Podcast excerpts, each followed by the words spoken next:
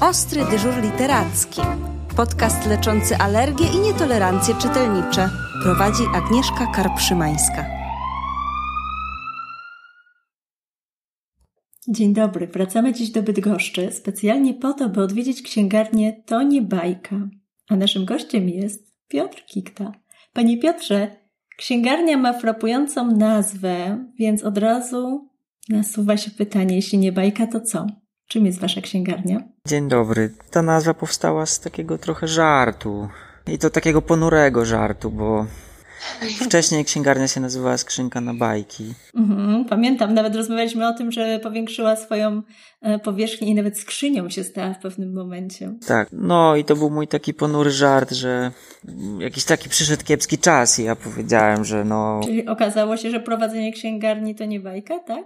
E, no można tak powiedzieć, ale też mój, mój żarcik był taki trochę słowno-rysunkowy Aha. i nie wiem, czy pani widziała, jak wygląda nasze logo, ale to są takie fale, z których wynurza się taka prze, wynurza się z nich taka przekrzywiona książka i to jest tak, że ta bajka no, że można powiedzieć, że to nie jest bajka, albo że ta bajka to nie, więc. A, no tak. Jest takie to dwuznaczne, ale jest żartobliwe i później ja szukałem nowej nazwy dla księgarni. Mhm. Wymyśliłem 15 tych różnych nazw, ale wszystkie były jakieś takie jeszcze bardziej piętrowe niż to nie bajka. Ostatecznie mhm.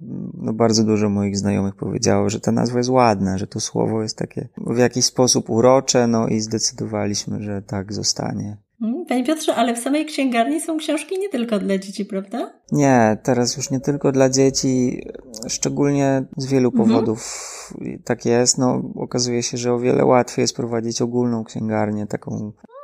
Ja myślę, że to może nawet trochę lepiej. To znaczy, ja, zapyta, ja zadałam to pytanie w kontekście nazwy, bo z jednej strony y, mam świadomość tego, że prowadzenie księgarni niezależnej jest szalenie trudne i że to jest ogromne wyzwanie, ale też wielka misja i nieprawdopodobna wartość. Y, z drugiej strony, jeżeli są tam książki nie tylko dla dzieci, no to może właśnie to nie bajka, czyli właśnie książka także dla dorosłego czytelnika jest jak najbardziej na miejscu. Może ta nazwa właśnie była Wam absolutnie pisana. A z trzeciej strony sobie tak pomyślałam, że no my dorośli rzadko wierzymy w bajki, Rzadko też liczymy na happy endy, ale wam chyba taki happy end się przynajmniej raz zdarzył. Czytelnicy pomogli księgarni przetrwać. E, no tak, to była taka akcja, która w ogóle się okazała taką głośną. Chyba ma pani na myśli tą akcję ze zrzutką, prawda? Mhm. Tak, tak, no już trochę się pętla zaciskała nam na szyi, bo jednak nawarstwiło się dużo, dużo długów. Ja w pewnym momencie, ponieważ ja zawsze bardzo skrupulatnie płaciłem czynsz, a to wiązało się potem z tym, że nie zawsze wystarczało na opłaty na książki, za towar i uznałem w pewnym momencie w czasie pandemii, że no muszę, muszę być fair wobec moich dostawców, bo oni też pracują i też mają rodziny i, i nie mogę każdemu wiszę temu tyle, temu tyle i że muszę to spłacić, nie mogę tak tego ciągnąć. Mhm. Ale wyszli naprzeciw czytelnicy. Mieszkańcy uznali, że to miejsce jest ważne. Panie Piotrze, jak pan myśli? Dlaczego takie Okazało ważne się, że to byli w ogóle ludzie z całej Polski. Którzy, no właśnie. Mhm. Którzy uznali, okej, okay, musimy tutaj wpłacić pieniądze. Mhm. A ja pamiętam taką sytuację, że te pieniądze chyba miały być voucherami pewnego rodzaju. Dobrze pamiętam? Tak, to, to jest w taki sposób skonstruowane, że no, powyżej zdaje się 50, 50 zł i więcej to, to jest, to była taka, taka wpłata, która mogła być później odebrana w formie rabatu. Jestem pod dużym wrażeniem, że w ten sposób Pan e, podszedł do tej kwestii zrzutki, bo no, było bardzo wiele zrzutek i podobnych akcji w czasie pandemii, ale Wy potraktowaliście tą pomoc, pomoc e, mieszkańców wielu miast, pomoc ludzi, którzy kochają książki, e, jako pewnego rodzaju pożyczkę właściwie i taki kredyt zaufania i to wielki ukłon w Pana stronę, bo bardzo honorowe zachowanie i rzadko spotykane. Ale proszę, panie Piotrze, wróćmy do tego pytania mojego. Jak pan myśli, dlaczego dla mieszkańców Bydgoszczy, ale też w ogóle dla ludzi książki to miejsce jest na tyle ważne, że postanowili go utrzymać za wszelką cenę, pomóc mu istnieć nadal? Co w nim jest tak wyjątkowego? Mam, mam nadzieję, że przede wszystkim dobry wybór literatury. Bo, mhm. bo jednak staramy się w, wciąż skrupulatnie, chociaż nasz asortyment się bardzo powiększył, ale jednak, no i, rynek wydawniczy jest duży, w sensie bardzo dużo tytułów się pojawia wciąż i wciąż. Mhm. Jesteśmy rozpieszczani, a jednocześnie jest bardzo trudny wybór, prawda? Czasem ja się nawet śmieję, że, że tak się trochę śmieję, a trochę się nie śmieję. Mówię, niech ktoś to zatrzyma, niech ktoś powie stop, na miesiąc nic nie wydajemy, przez jeden miesiąc tylko. Znaczy, to jest bardzo trudne dla nas, czytelników, ponieważ cały czas mamy takie poczucie, że powinniśmy szybciej czytać, albo mamy takie poczucie wstydu, że jeszcze tego nie zdążyliśmy, a o tym jeszcze nie słyszeliśmy, a o tym pierwszy raz, tą książkę pierwszy raz widzimy, a przecież to jest naszego ulubionego autora. I cały czas rzeczywiście to y, generuje pewnego rodzaju taką, no nie wiem, czy może być pozytywna frustracja, ale trochę taka jest, czyli rzeczywiście my staramy się dogonić ten rynek i to jest dopiero stres, takiego wytrawnego czytelnika. Tak, no bardziej układ naszej księgarni jest trochę specyficzny. Nie wykorzystujemy całego miejsca, jakie można tylko zająć na książki. Mamy miejsce mhm. na wystawy. Przynajmniej dwie ściany mamy takie, na których można powiesić. Jedna mała, a jedna duża. To znaczy na tej dużej ścianie są regały, ale one nie są zbyt wysokie. I nad tymi specjalnie właśnie, no w ogóle takie regały to nawet powiem szczerze, że dostałem w prezencie. To jest bardzo DIY, ta księgarnia urządzona. Mhm. Ale, ale właśnie szczęśliwie one są takie niewysokie i nad nimi jest ściana, na której możemy prezentować różne, powiedzmy, no obrazy czy, czy plakaty. Teraz mamy takie piękne mapy, które taki nasz przyjaciel tworzy. Mhm. To jest taki program do modelowania 3D i to są takie stare mapy, one są przez niego przerobione i sprawiają wrażenie trójwymiarowości. No i przy tym są na takim szarym papierze, wyglądają jak naprawdę stare mapy, no to jest to piękne.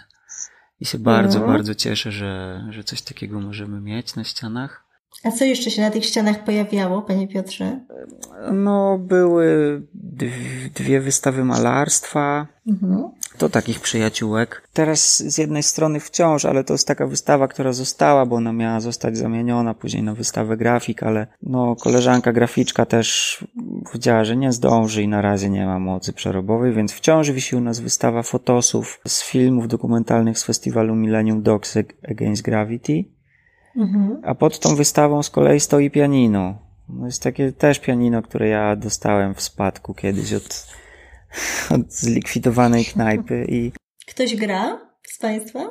Znaczy ja gram tylko teoretycznie. Ja mam... Co to znaczy? Z wykształcenia jestem muzykiem i mam napisane w papierach, że ja gram, ale ja bardzo kiepsko gram na pianinie. Ale właśnie działa to trochę tak, że czasami przychodzą jacyś ludzie i pytają, czy mogą sobie pograć. I na przykład mhm. siadają i grają sobie z 20 minut. I ja bardzo, o. bardzo to lubię, mhm. bo to jest dla mnie taki trochę, czuję taki wtedy masaż mózgu, jak, jak ktoś sobie tak przyjemnie improwizuje na, na pianinie, ja sobie coś robię, pracuję trochę. To jest też taki chyba, nie wiem, taki wyraz tego, że przynajmniej część osób się tu czuje swobodnie na tyle, żeby przyjść i zapytać, no czy mogę sobie pograć. I jest to dla mnie wielki komplement, kiedy ktoś właśnie przychodzi. Mhm. Ale chyba jesteście pierwszą księgarnią z pianinem, muszę powiedzieć, jaką znam. Nie wiem, nigdy nie badałem tego tematu, ale bardzo się cieszę z tego pianina. Chociaż one zajmuje, ono zajmuje trochę miejsca. I też na nim też leżą teraz książki, bo już nie, nie było gdzie. Moim zdaniem spokojnie mogą leżeć na pianinie. Jeżeli tylko muzyką to nie przeszkadza. E, znam księgarnie, które mają wygodne kanapy. Znam księgarnię, które, e, która ma ogromne e, akwarium i to akwarium często przyciąga osoby być może nie zainteresowane bezpośrednio z książką, potem się okazuje, że jednak, jednak się interesują. Ale nie znałam do tej pory żadnej księgarni, która ma pianinę, a wydaje mi się, że połączenie muzyki i literatury to absolutnie cudowna sprawa, więc myślę, że pianino jest absolutnie fantastyczne. Jeżeli ktoś z Państwa ma ochotę nie tylko wybrać znakomite książki, ale też po prostu pograć, no to serdecznie zapraszamy. A ja bym wróciła do książek, Panie Piotrze, i mam zamiar wykorzystać to, że tym razem mam przyjemność e, rozmawiać z księgarzem, a nie z księgarką. I pytanie do Pana mam takie. Podobno chłopcy coraz mniej czytają. Jak wygląda Pana zdaniem oferta wydawnicza właśnie dla chłopców? Bo o dziewczynach mówi się bardzo dużo. Jest cały nurt w tym momencie literatury dziewczyńskiej, która pewne rzeczy e, odczarowuje, niektóre przepisuje, zwraca uwagę na pewne e, aspekty rzeczywistości. Natomiast pytanie, gdzie w tym wszystkim są chłopcy i co się wydaje właśnie dla męskiego czytelnika? Właśnie to jest takie dosyć, dosyć trudne pytanie, ale też wymagające, chyba nie pozwalające na jakąś jednoznaczną odpowiedź. Mam taką nadzieję, że nie będzie jednoznaczna. Tak, bo ja akurat, no, z racji tego, że jestem ojcem trzech córek, to e, no, często sięgamy po książki, ale ale może przez to ja odbieram te książki tak bardziej uniwersalnie, że dla mnie na przykład mhm. książki o Hedwidze, takie, mhm. taka seria tak, wydana przez dwie siostry, które uwielbiam. Dla mnie to jest po prostu dobra książka i, i ktoś pyta, nie wiem, chcę coś przygodowego, śmiesznego i żeby się super czytało. Ja mówię, okej, okay, to jest to i nie, jakby dalej może się pojawić, no ale bo to jest chłopak, on nie będzie chciał dziewczynie czytać. A właśnie, tak jest czy nie? Bo ja słyszałam od pani, która jest księgarką, że rzeczywiście chłopaki nie chcą książek, w których y, bohaterkami są dziewczyny, ale no pani księgarka też jest dziewczyną. Pytanie, jak pan jako dorosły chłopak to ocenia? Często tak jest i często dorośli, którzy kupują te książki, mówią: O, tego nie będzie chciał czytać, bo to jest o dziewczynie. Mhm. No i na przykład jest taka wspaniała rzecz, którą, którą zrobiła Rosel Lagerkrantz, mhm. e, która napisała serię książek o Duni, wydawaną przez Zakamarki. Tak. To są, uważam, bardzo, bardzo ważne książki, ponieważ one zwykłe życie opisują z, po, trochę pod kątem emocji. No, dzisiaj Dunia jest bardzo szczęśliwa, dzisiaj Dunia jest smutna. I to jest bardzo ważne, żeby umieć na, nazywać to. I jednym z bohaterów, którzy się pojawiają w, w książkach o Duni jest Matis. Matis jest kolegą mhm. Duni z klasy. I ona stworzyła całą serię książek o Duni, o dziewczynce, która i tak moim zdaniem jest, jest uniwersalna. Mhm. Ale jednak jest to taki ukłon, że okej, okay, chłopaki, to teraz macie książkę o chłopaku. Ona też będzie o uczuciach, też będzie napisane, co Matis tam odczuwa, kiedy dzieje się to czy tamto. Mhm. No jest, mamy taki trochę kulturowy, można powiedzieć, problem, że chłopców się wciąż chowa w taki sposób, jakby chłopcy nie rozmawiają o uczuciach, chłopcy nie pła- chłopaki nie płaczą, tak się mówi. Mhm. No i uważam, że to jest bardzo fajny pomysł i ja bardzo chętnie polecam Matisa, e, bo to jest Matis i jego przygody w pierwszej, drugiej i trzeciej klasie. Bardzo chętnie, no, to, bardzo chętnie to polecam, szczególnie właśnie takim chłopcom, powiedzmy 7. Plus. Mhm. No, poza tym męskich bohaterów jest chyba bardzo dużo, tak mi się wydaje. Z takich książek dla młodszych, no to jest Albert Albertson. Tak, Albert jest znakomity, oczywiście. To też jest taka seria, która bardzo jest gdzieś tam adekwatna do dziecięcego świata, do, do sposobu rozumowania i odczuwania i tak dalej, nie? Mhm. E... I ona jest strasznie śmieszna. To jest naprawdę fantastyczna rzecz, która potrafi rozbawić też dorosłego. Przy tym jest właśnie, jest bardzo, jest zabawna. Mhm. Nie jest w ogóle dydaktyczna, ale mówiąca o takich rzeczach, które nie wiem, jak urodziny Alberta, gdzie Albert przychodzi ciocia, ciocia lepiej wie, co trzeba Albertowi na urodziny. Kończy się to tak, że Albert się schowa pod stołem i robi takie urodziny, jakie sam by chciał mieć, nie? No, każdy z nas chociaż jeden raz y, ma ochotę zrobić sobie takie urodziny, jakie sam by chciał mieć, prawda? Nawet jako dorosły człowiek, a co dopiero dzieci. Tak. I dalej idąc tym tropem, to są wszystko książki zakamarkowe, wydawane przez zakamarki. Mm. O Albercie Albertsonie, właśnie o Duni, czyli tutaj w tym wypadku promujemy Matisa. Bardzo lubię w ogóle się świetnie bawiłem przy wszystkich trzech częściach tych książek Ewa Susso, tak jest? Ewa Susso. Tak, Susso, tak. 100 porad dla nieśmiałych, 100 porad tak, dla kłamczuchów i 100 porad Jeszcze dla... Jeszcze są zakochani, prawda? Tak, i 100 porad dla zakochanych. Jest wspaniała. E, tytuł jest taki trochę dla niektórych mylący, mówią, o to ja kupię, bo on jest taki nieśmiały, albo ale on nie jest w mhm. ogóle nieśmiały. Ale to tak niezupełnie o tym jest. E, mhm. nie, nie zupełnie o tym są te książki, ale je bardzo lubię i to też są takie fajne, myślę, książki dla takich dzieci 6+, plus.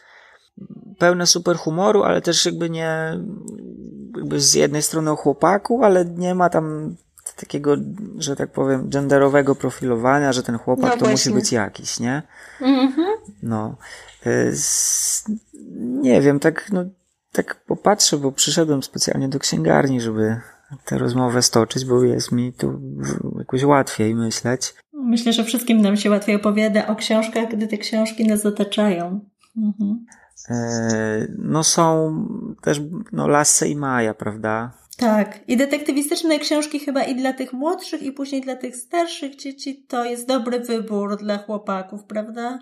Ale też zauważam, że chłopcy, których zna, no znam paru, znam paru mhm. takich chłopców, którzy no są z nami od początku księgarni. Często to rówieśnicy, rówieśnicy moich córek e, młodszych, siedmiolatkowie, i to są takie dzieci, które my trochę czytamy to samo. Ale właśnie. I często to jest tak, no to co pan, co, co pan, co pan, czy państwo teraz czytają swoim córkom? Ja mówię, no teraz czytamy to, nie? I mhm. to już nie ma znaczenia właśnie, na przykład Hedwigę, nie? Są chłopcy, którzy uwielbiają Hedwigę, bo się zaśmiewają przy tym i jest to, jest to super. To mi pan sprawiał dużą radość tym stwierdzeniem, bo wygląda na to, że to nie tylko dziewczyny już uwielbiają książki, mm, czasami bardzo chłopackie, tak? Chyba to by było dobre określenie, takie e, właśnie wyluzowane, pewne przygód i akcji, ale też chłopcy lubią książki, które czytają dziewczyny i nie ma z tym najmniejszego problemu. Dobra książka jest po prostu dobrą książką. No, że jeszcze taką serią fajną, ale też jej zaletą, że ona tak rośnie z czytelnikami, jakby bohater mhm. rośnie w kolejnych częściach jest coraz starszy, idzie do pierwszej klasy, do drugiej, do piątej. To jest Caciki Moni Nilsson, mhm. też wydane to jest przez Zakamarki. A Caciki to jest rzecz w ogóle dla mnie osobiście to jest takie bardzo, bardzo przyjemne czytanie i zabawne i, i wesołe.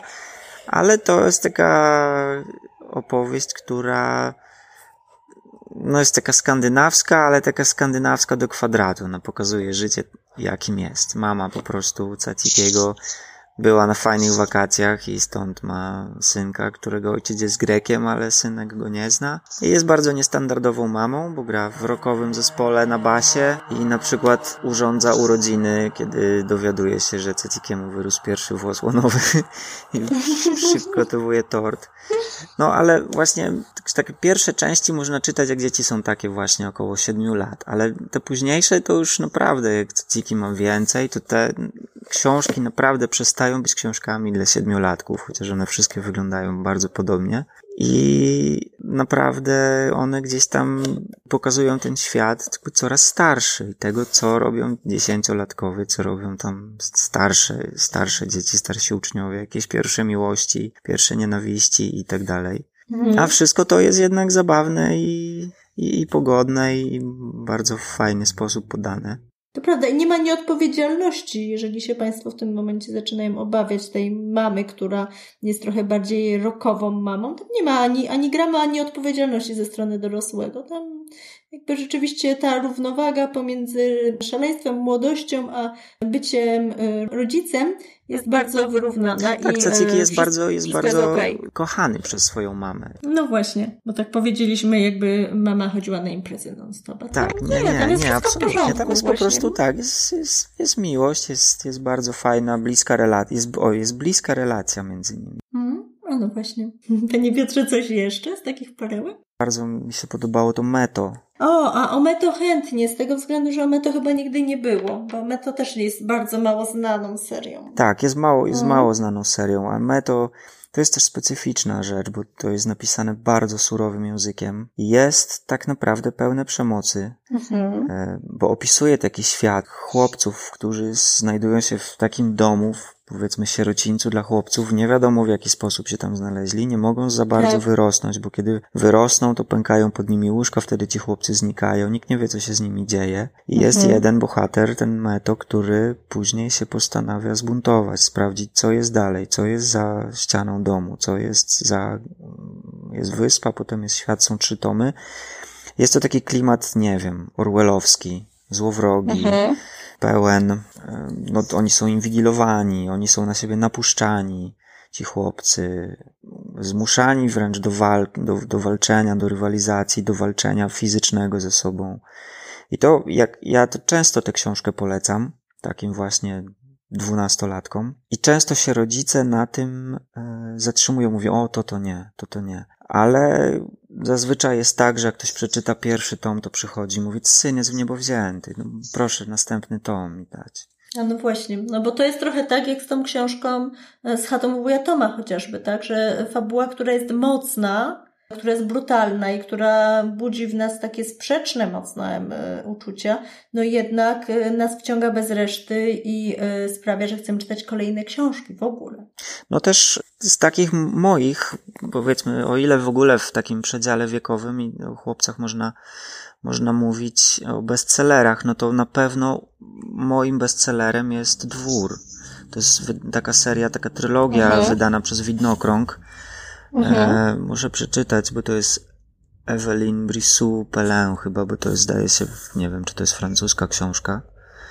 E, I to jest historia chłopca, który po operacji serca trafia na rekonwalescencję rzekomą do niby sanatorium, tego dworu ale ten dwór się okazuje miejscem dziwnym, mrocznym, pełnych jakichś dziwaków, ludzi, którzy nagle się zjawiają, znikają. On postanawia zobaczyć, co jest. On próbuje się z tego wydostać, idzie wzdłuż ogrodzenia i się okazuje, że nie ma tam wyjścia z tego dworu. I no, to jest no, też, też to właśnie mojej córce starszej poleciłem i ona też właśnie się tak wciągnęła. Mówi, jest czwarty tom, kiedy będzie czwarty tom? No na razie nie ma. No, na razie nie ma i nie wiadomo, czy będzie. Ale i też, no muszę o tej książce powiedzieć, że jest mroczna. Mhm. I też często ludzie reagują, o nie, nie chcę takiej mrocznej, bo on wrażliwy. A mi się wydaje, że wrażliwi ludzie tym bardziej przeczytają mroczną książkę. No bo co się stanie tak naprawdę 12-13-latkowi, który jest wrażliwy po przeczytaniu książki, która jest jednak książką młodzieżową? Nic, no z tej, książki, z tej książki nie wyskoczy żaden dziwak z nożem. No więc właśnie. Nic się nie Poza tym tak naprawdę operujemy własną wyobraźnią w przeciwieństwie do tego, co oglądamy w telewizji, tak? No bo jednak jednak telewizja podaje nam pewnego rodzaju treści, których jeszcze nasz umysł sam sobie nie wytworzył, nie przyswoił, nie przerobił jakoś. E, natomiast, czyli trochę jednak e, przez oczy jesteśmy gwałceni. Natomiast e, jeżeli chodzi o fabuły, no to te fabuły są stworzone z naszej wyobraźni, czyli z czegoś, z czym już mieliśmy kontakt. Tak. No i jeszcze tutaj, no to skoro już, już mówię w ogóle o tych tytułach, no ja mam, ja mam takie swoje ulubione.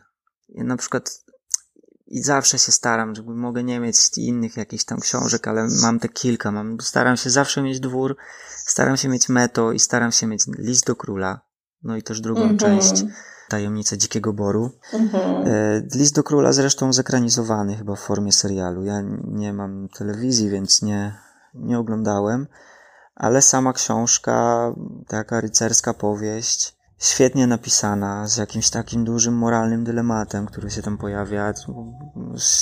Wspaniała rzecz i to jest też taka książka, którą zauważam, że czytają chętnie dorośli, taka powieść. Mhm. Bo ona według wydawcy jest określona jako tam, jako 12+, plus, a zdarzyło mi się, że ktoś przyszedł i mówi, no ale jakieś rycerskie pan ma, a ja mówię, no mam, mam to, nie? Może to jest druga część. Mówi, już się druga część ukazała, czytałem pierwszą, jestem zachwycony. Chcę się kupić. No, także tak. No i, aha, i taka książka, to jest trochę, z, to, jest, to, jest, to jest trochę inna rzecz. Ta książka ma tytuł Free Lunch, darmowy obiad. Mhm.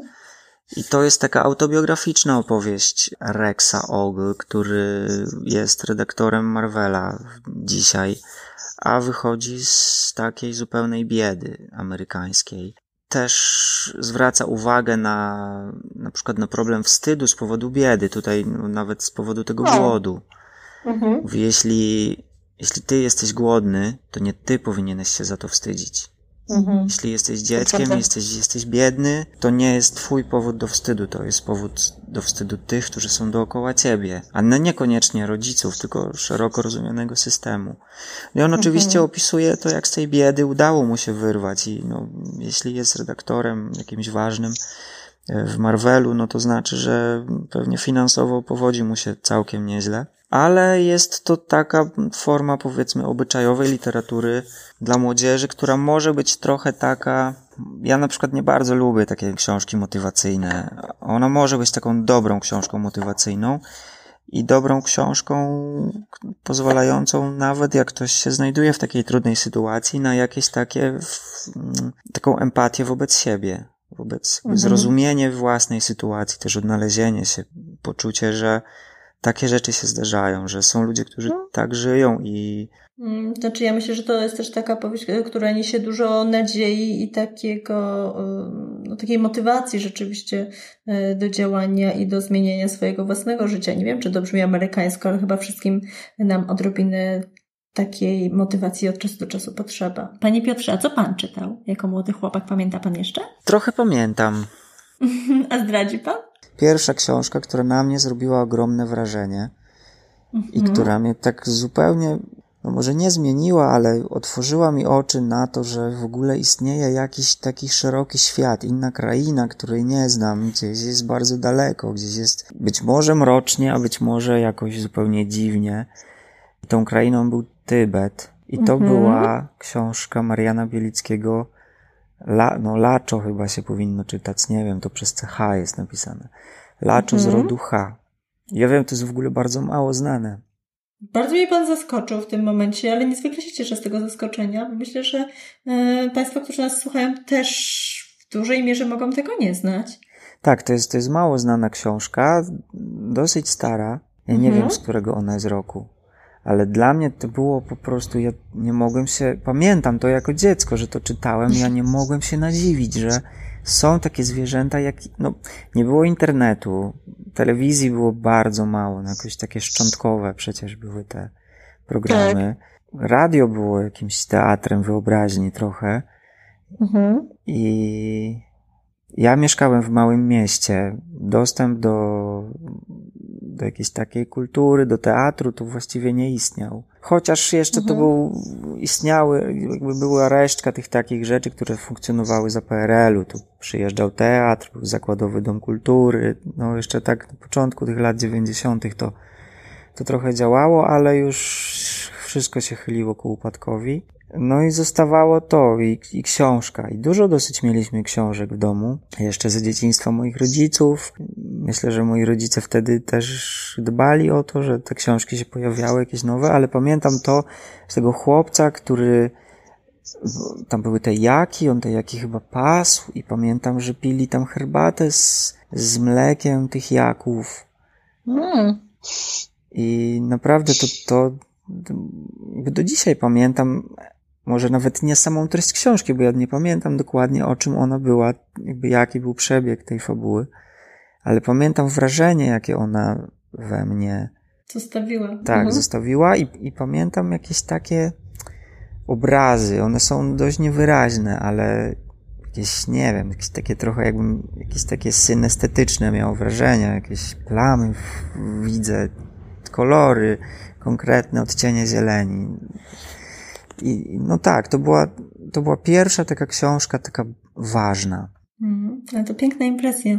A, a później, no to czytałem rzeczy, które po prostu mi wpadały i, ale jest parę takich tytułów, które zapamiętywałem. No nie czytałem jakoś tak potwornie dużo. Mhm. A jakie to tytuły? Jakie pamięta pan tytuły jeszcze? Z, z dzieciństwa, z młodości? No trochę, wiadomo, że trochę lektur, lektury to były. Lubiłem czytać komiksy o Kaczorze Donaldzie. Mhm. Mam do nich sentyment w ogóle do dzisiaj. Mhm. Miałem jakiś, ja nie wiem, jak, czy to było z okazji Dnia Dziecka, czy zupełnie bez okazji. Mama kupiła nam, bratu mojemu i mnie, takie komiksy w ogóle w kiosku gdzieś na dworcu PKS. I brat mhm. chyba dostał, nie wiem, Spidermana, ja na pewno dostałem pani Shera to takie Marvelowe, czy nie, takie super bohaterskie tak. komiksy. Czytałem to, jej, to po prostu Cud, że to się nie rozpadło, ile ja to razy czytałem, raz za razem. No właśnie. Panie Piotrze, a komiks w ogóle przeżywa w tym momencie ogromny renesans. Też pan to dostrzega u siebie w księgarni? Nie wiem, komiksy nie są takim towarem, który jakoś tak bardzo, bardzo szybko chodzi. Często rodzice, ja mówię, że bo polecam świetny komiks, a dorośli mówią, nie, komiks to nie. Jakby no właśnie, niektórzy ja mają zakodowane, wiem, że, że no to jakiś gorszy rodzaj książki. No właśnie, ja mam takie wrażenie, że to e, rodzice mają zakodowane, natomiast chyba niesłusznie, prawda? Tak, ja myślę, że, że komiks jest wspaniałą sztuką. E, też kilka lat temu miałem przyjemność prowadzić takie spotkanie z Michałem Śledzińskim, tak zwanym Śledziem. Mm. On jest autorem komiksów, ale bardziej dla dorosłym bym polecał jego komiksy.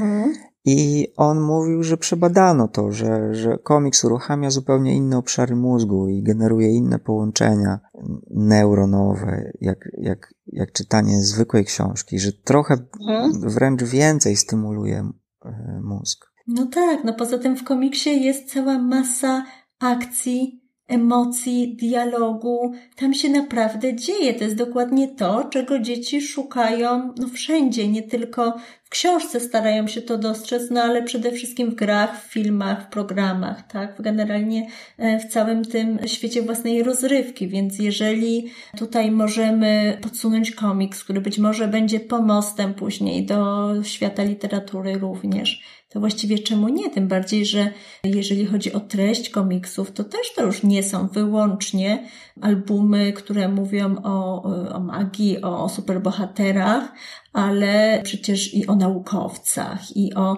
pokazują świetnie relacje takie międzyrówieśnicze albo między człowiekiem a naturą. No cała masa jest tak naprawdę bardzo wartościowych zagadnień. Nie mam tak, nie mam tak bardzo dużo komiksów ale staram się wybierać co ciekawsze i nie, niektóre z nich ja nazywam, mówię, że jakbym miał odnieść, no to mówię, że to jest literatura piękna, że, no właśnie. że nie są to mhm. jakieś gatunkowe rzeczy, że są tam dużo jakiejś subtelności, dużo, dużo emocji. Też ja na przykład bardzo lubię, lubię w ogóle czytanie ilustracji. To jest coś takiego, co mnie hipnotyzuje, jakoś tak zatrzymuje. Kiedyś czytałem komiksy w taki sposób, że pyk, chmurka, chmurka i tutaj pół godziny, 230 stron, proszę.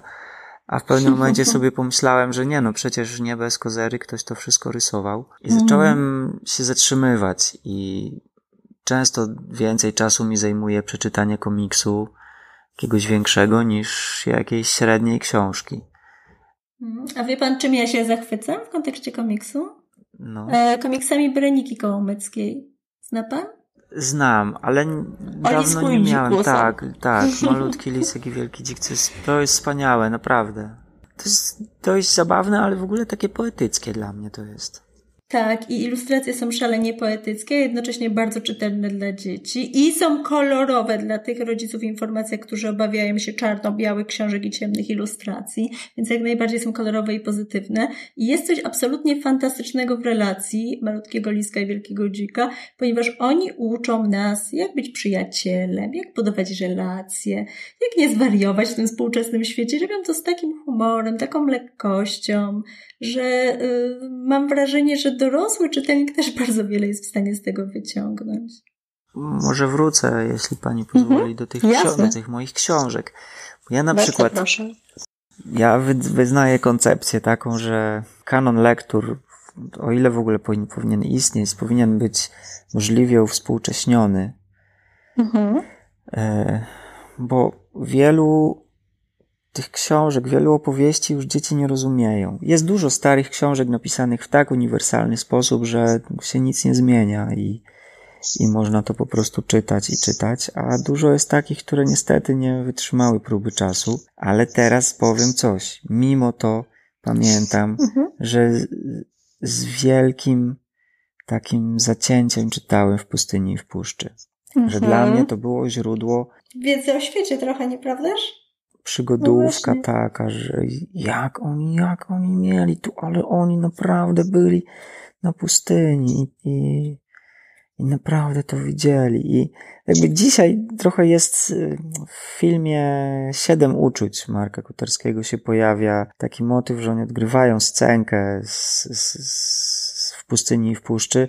Ta scenka jest, zdaje się, jeden do jednego, tak tekst jest wypowiedziany, kiedy Staś zabija lwa. Jak to zobaczyłem w tym filmie, no jeszcze przefiltrowane przez Koterskiego, to Parsknąłem śmiechem, jakie to głupie jest, ale, ale, ale muszę szczerze powiedzieć, że ta książka była dla mnie taka, no była dla mnie bardzo porywająca, że, że ja mi się wtedy wydawało, że ja mam w ogóle wszelką wiedzę świata o Afryce i to było dla mnie fascynujące. Chciałem tam pojechać. Chciałem mm. zobaczyć kanał Suezki i w ogóle tak. I no i z takich książek, które też uważam, że mnie w jakiś sposób ukonstytuowały E, to była na pewno Chata Wuja Toma. Mhm. Taka pierwsza książka, no, nie chcę jej stawiać w opozycji do, do, do W pustyni i w puszczy, ale to była taka pierwsza książka, która w, stworzyła ze mnie takiego zajadłego antyrasistę. Mhm. Takiego człowieka, który uważa, że to jest rzecz, o którą należy walczyć. Równość, równość ludzi. Mhm. No była dla mnie bardzo wzruszająca, bardzo poruszająca, bardzo taka, to też ten, ten wuj Tom, on został zakatowany tam na końcu, on, on umarł. Mhm. Tak, mocna scena. Ale też on był takim wzorem takiego czystego chrześcijaństwa, takiej postawy, która gdzieś tam w, w samym jądrze Ewangelii takiego nieczynienia zła, nieodpłacania złem, przyjmowania różnych rzeczy z pokorą. No nie wiem, możemy to oceniać dzisiaj, czy to dobrze, czy to źle. W każdym razie było to dla mnie bardzo ważne i to był, to był dla mnie bardzo, bardzo dobry, dobry bohater. Książka, która wzbudziła we mnie mnóstwo smutku i mnóstwo złości takiej na niesprawiedliwość świata. Mhm. Tak, to na pewno. A, a, a, poza tym, jakby stąd chyba, nie wiem, być może stąd ja do dzisiaj lubię bardzo amerykańskie książki, bo w pewnym momencie wpadłem na Marka Twaina, czyli na, na, na, na Haka Fina i Tomka Sawyera. I to już kochałem. To z kolei było to, że jakby bardzo przenosiłem literaturę. Przecież trzeba budować tratwę, trzeba płynąć rzeką. Mamy tu rzekę, budujmy tratwę, jak, jak oni. Oni płynęli przez Mississippi. No, jest śmieszna, awanturnicza, pełna różnych zwrotów. Przecież tam ten Huck Finn, taki bezdomny włóczęga i, i Tomek Sawyer, taki urwis, no przecież są przekochani bohaterowie. To chyba taki, nie wiem, może, może to jest jakiś taki pierwszy przykład tak zwanej antypedagogicznej literatury. Mhm. Mówi się o, tak. o antypedagogicznej, nie? która jest, nie jest o złych dzieciach, tylko o dorosłych, którzy utrudniają tym dzieciom życie po prostu, więc. Tak, dorosłym się od czasu do czasu dostaje, to prawda. Tak, i to takie mhm. chyba naj, naj, takie z dzieciństwa mojego, czy też wczesnego nastole, nie wiem. Tak, nastoleciństwa. Tak, ad, adolescencji. Tak, czasów, kiedy, kiedy był pan, mm, tak, młodym no, dorosłym według no i, e, nomenklatury anglojęzycznej. Tak, no i, i, i, pamiętam, że tak, że kochałem szatana z siódmej klasy. Zupełnie dzisiaj wiem, że rozmawiam z dziećmi, które mówią, że to jest nudne, jaju, jak to czytać w ogóle. Uwielbiałem tę książkę. Grałem w szkolnych przedstawieniach na jej podstawie. Znałem na pamięć w ogóle wszystko. E, bardzo, bardzo mi się podobał, pamiętam, szatan z siódmej klasy. I później za tym Makuszyńskim zacząłem przygodę z Niziorskim i z Bagdajem. Mhm. I to są dla mnie tacy autorzy, których bym ozłocił dzisiaj, gdybym, gdybym mógł. Ale też się zastanawiam, czy, czy oni są jeszcze dziś odbierani przez, przez dzisiejsze dzieci i młodzież. No właśnie o to chciałam zapytać, czy według Pana te książki się zestarzały, czy mogą być atrakcyjne dla współczesnych dzieci? Nie wiem. Naprawdę no, nie. Trzeba by było sprawdzić. Trzeba by było sprawdzić. Może musiałbym wrócić do tych lektur i trochę poczytać. No, może to byłaby ciekawa podróż sentymentalna. Może warto. No, myślę, że tak. Ale pamiętam na przykład to z kolei, tak, to, to była taka sama historia jak z tą książką Laczo z rodu H. To miałem taką historię z piratami z wysp śpiewających. Że z mhm. kolei odkryłem tą Czarnogóra, to, te wszystkie miejsca. Nigdy tam nie byłem do dzisiaj, więc ale pamiętam, że było to dla mnie cudowne, że, że mogłem o tym czytać, że czułem się tak, jakbym ja tam był i widziałem to lato i to ciepłe morze. I... Mhm. Panie Piotrze, ja mam takie pytanie trochę na koniec. Czy według Pana należy podsuwać chłopcom, którzy nie są przekonani do książek, mają taki moment w życiu? Czy warto, powinniśmy podsuwać im książki, rekomendować, otaczać ich w jakiś sposób książkami, które według nas mogą się im podobać, czy w ten sposób ich jeszcze bardziej zniechęcamy i jesteśmy po prostu nachalni? Nie wiem. Myślę, że, że mam taką koncepcję, która nie wiem, nie wiem, czy ona jest prawdziwa. Być może jest naiwna, mhm. ale wydaje mi się, że dzieci, które nie lubią książek, to są dzieci, którym, z którym, do których nikt nie trafił z fajną książką. Odpowiednią, mhm. odpowiednio fajną dla nich. Ale nie wiem, czy to jest prawda. Może to jest moje takie pobożne życzenie. Mhm. Nie mam też takiego doświadczenia z chłopcami, bo mam same córki. I moja starsza córka w pewnym momencie przestała czytać, nie chciała. I szczerze zajęło mi kilka lat takie przekonywanie. A spróbuj, a to trochę właśnie Lassego i Maja, jak była młodsza, gdzieś tam w podstawówce. No to, no to to trochę czytała. Ale to wszystko było takie nie, niezachętne aż postanowiłem, że muszę kontynuować, wrócić do tego czytania jej. Mhm. I, I pamiętam, że wziąłem taką, teraz to na, jest wydane na nowo w formie takiej zbiorczej, że trzy tomy w jednym. Żywicielka teraz ma to tytuł, a wcześniej to było e, Żywiciel. Deborah Ellis to napisała i to wydała Mamania. Mhm. E, żywiciel, podróż parwa, e, por, Szauzia i podróż parwany, chyba tak nie, Podróż Porwany i Szauzja, czy Szauzja, nie wiem. To jest książka, której akcja się dzieje w, w Kabulu, opanowanym przez talibów na początku XXI wieku.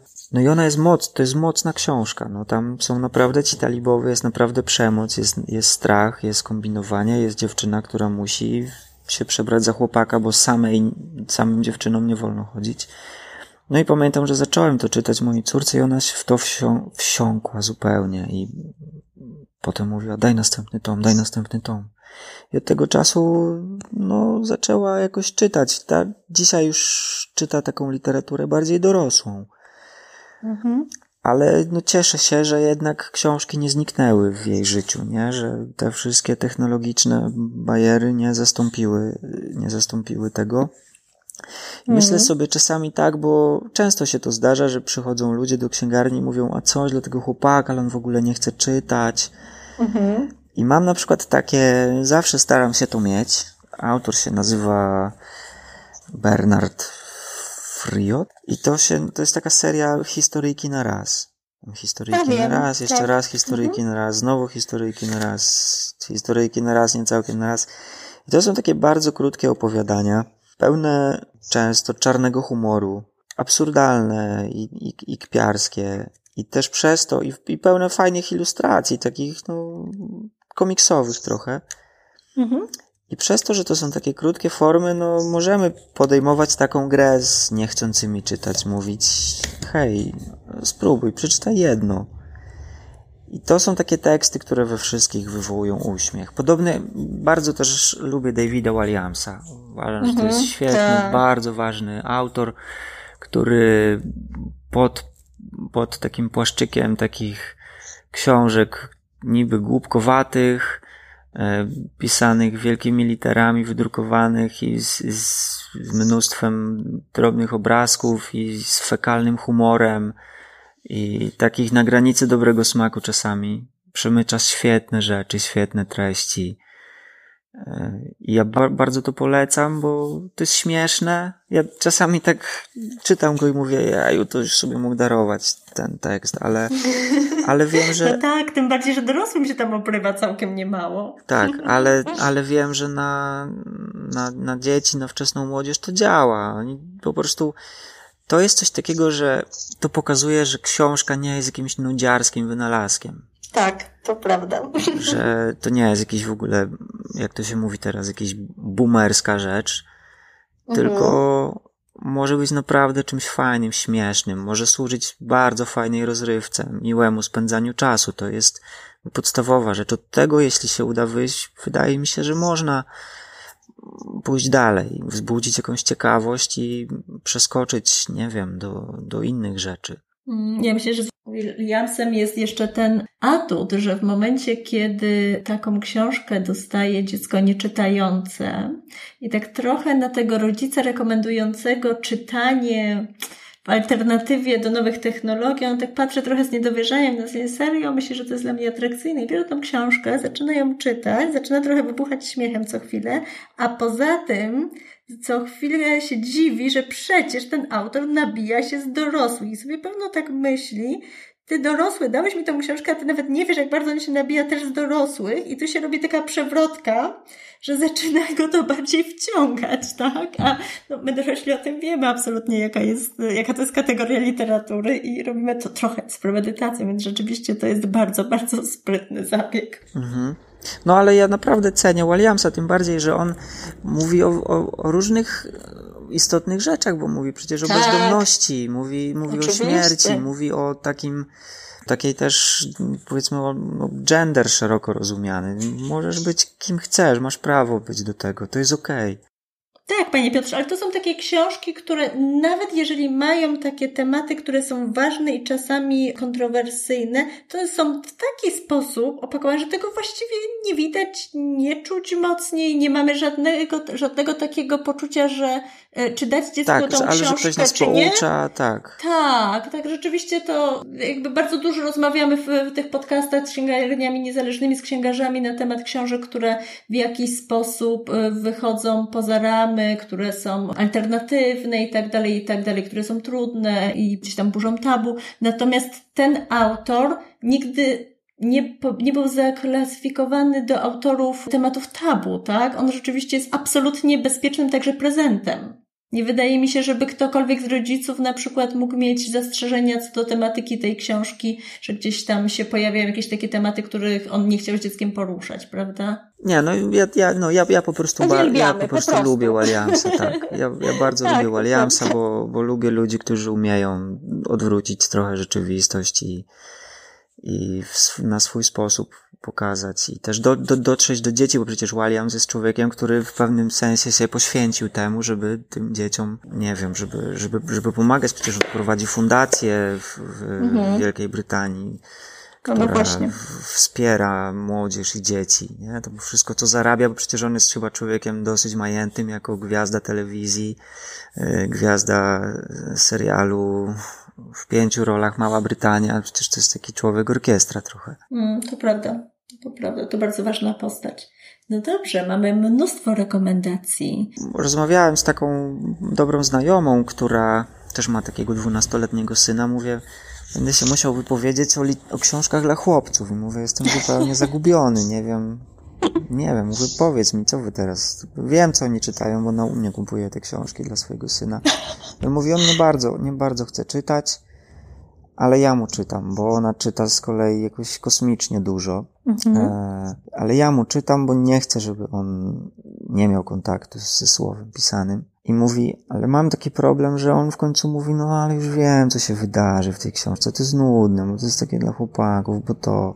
Ja, ja trochę też tam czasami zaglądam do tych książek, nie, nie mówię, że tak jest super, teraz czytam z tego, co jest nowe, ale jest parę bardzo fajnych, wartkich książek, takich, które się niedawno ukazały. No takich właśnie chłopackich trochę, przygodówek. A ona na przykład mówi, że postanowiła przeczytać swojemu synowi ukochane równanie profesora. Książkę Joko To mnie pan zaskoczył, to jest bardzo niedziecięca książka. Tak, wydaną przez Tajfuny.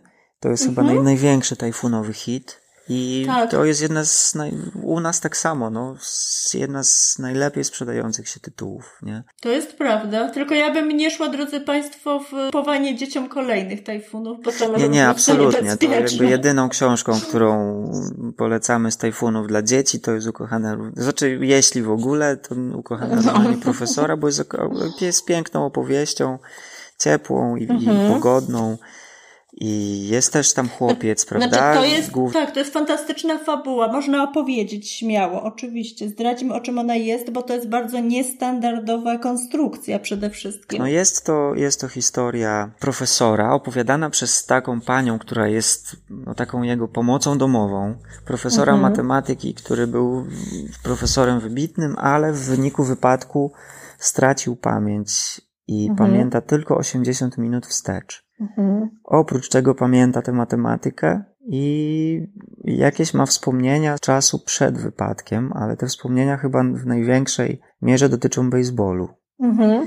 I w pewnym momencie ta kobieta, nie mając co zrobić, chyba już dobrze tak nie pamiętam. Ja... Tak, tak, tak, z dzieckiem. Nie mając co zrobić z dzieckiem, sobą. ona zabiera go ze sobą, co jest złamaniem zasad agencji, która zatrudnia tę kobietę jako pomoc. Tak, ona ryzykuje bardzo wiele, natomiast okazuje się, że profesor się zaprzyjaźnia z chłopcem. Zostaje też zwolniona za to, ale Aha.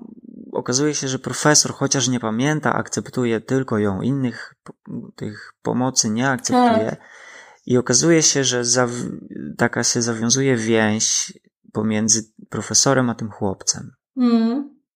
I to jest absolutnie niesamowite, bo profesor jest cały obwieszony karteczkami z przypomnieniami różnego rodzaju, bo no rzeczywiście, bo jeżeli wyobrazimy sobie, że nasza pamięć sięga tylko kilkadziesiąt minut wstecz, no to jest to okrutne tak naprawdę. To jest takie okrucieństwo losu, bo i relacje interpersonalne wyglądają całkowicie inaczej i za każdym razem on tą swoją tragedię odkrywa na nowo właściwie, tak? On ma na karteczce napisane, że, że w takiej sytuacji się znajduje i za każdym razem to jest dla niego ogromna tragedia. Natomiast no, to jest książka niesamowicie poruszająca. Zdziwił mnie Pan też odrobinę tą propozycją, z tego względu, że to jest chyba jedna z naj, najbardziej poetyckich, ale też najwolniejszych fabuł tajfunów. Ona się bardzo wolno czyta. Ona jest trudna do czytania. Więc zastanawiam Kurczę, się, jak dzieci na to reagują. Nie, nie wiem, właśnie dla mnie chyba ona nie była, chociaż rzeczywiście bo ona bardzo no jest tam dużo, płynie, tak, ona wolno bardzo... płynie dosyć, jest no. tam dużo tej matematyki, co ja mhm. jako człowiek, który nie był mistrzem matematyki, odbieram za wielką, za wielką, tak, tak, za wielką zaletę, uwa uważam to. Baseball akurat na fali tego, że kochałem Tomka Sawyera i trochę pokochałem mhm. taką miłością i nienawiścią trochę Stany Zjednoczone to lubiłem oglądać mecze baseballu, więc akurat wiem, co to jest tam home run i strike i tak dalej. I mhm. akurat to nie, nie nastręczało mi problemów, ale właśnie bardzo mi to zapadło, że, że ta moja znajoma przeczytała to swojemu synowi i on powiedział, okej, okay, to mi się podoba. Nie, mhm. nie mam tutaj takiej historii, że wiem, że on został tym młodocianym detektywem i on rozwiąże zagadkę na końcu. No cokolwiek by nie mówić o tajfunach, to tam bardzo rzadko wiemy, jak się historia skończy. To nawet, czy, nawet dotyczy nas dorosłych, więc y, to chyba taka e, zaleta tego, że tajfuny pokazują nam e, literaturę z zupełnie innego kręgu kulturowego. Ale to cieszę się, że się pojawiła ta rekomendacja, bo to jest taki ukłon w stronę dorosłych, którzy nas słuchają. Drodzy Państwo, zróbcie sobie przyjemność i kupcie sobie na święta ukochane równanie profesora, bo jeśli jeszcze, jeśli jeszcze nie czytaliście jeśli jeszcze, nie czytaliście. Ale, no, ale z mojego ja doświadczenia wynika, że mało osób zna tajfuny. Niestety wciąż. Tak, tak. No większość ludzi na japońską literaturę reaguje, no ale Murakamiego to ja nie lubię. No tak. No tak, to prawda. No dobrze, panie Piotrze. Było mnóstwo rekomendacji dla dzieci, były rekomendacje dla młodych dorosłych, no i są to rekomendacje, które już właściwie ocierają się o, zupełnie o czytelnika dorosłego i za te też bardzo pięknie dziękuję. Dziękuję panu pięknie za kolejną rozmowę, za piękne spotkanie z literaturą. Bardzo, ja państwa bardzo zapraszam dziękuję. do Bydgoszczy.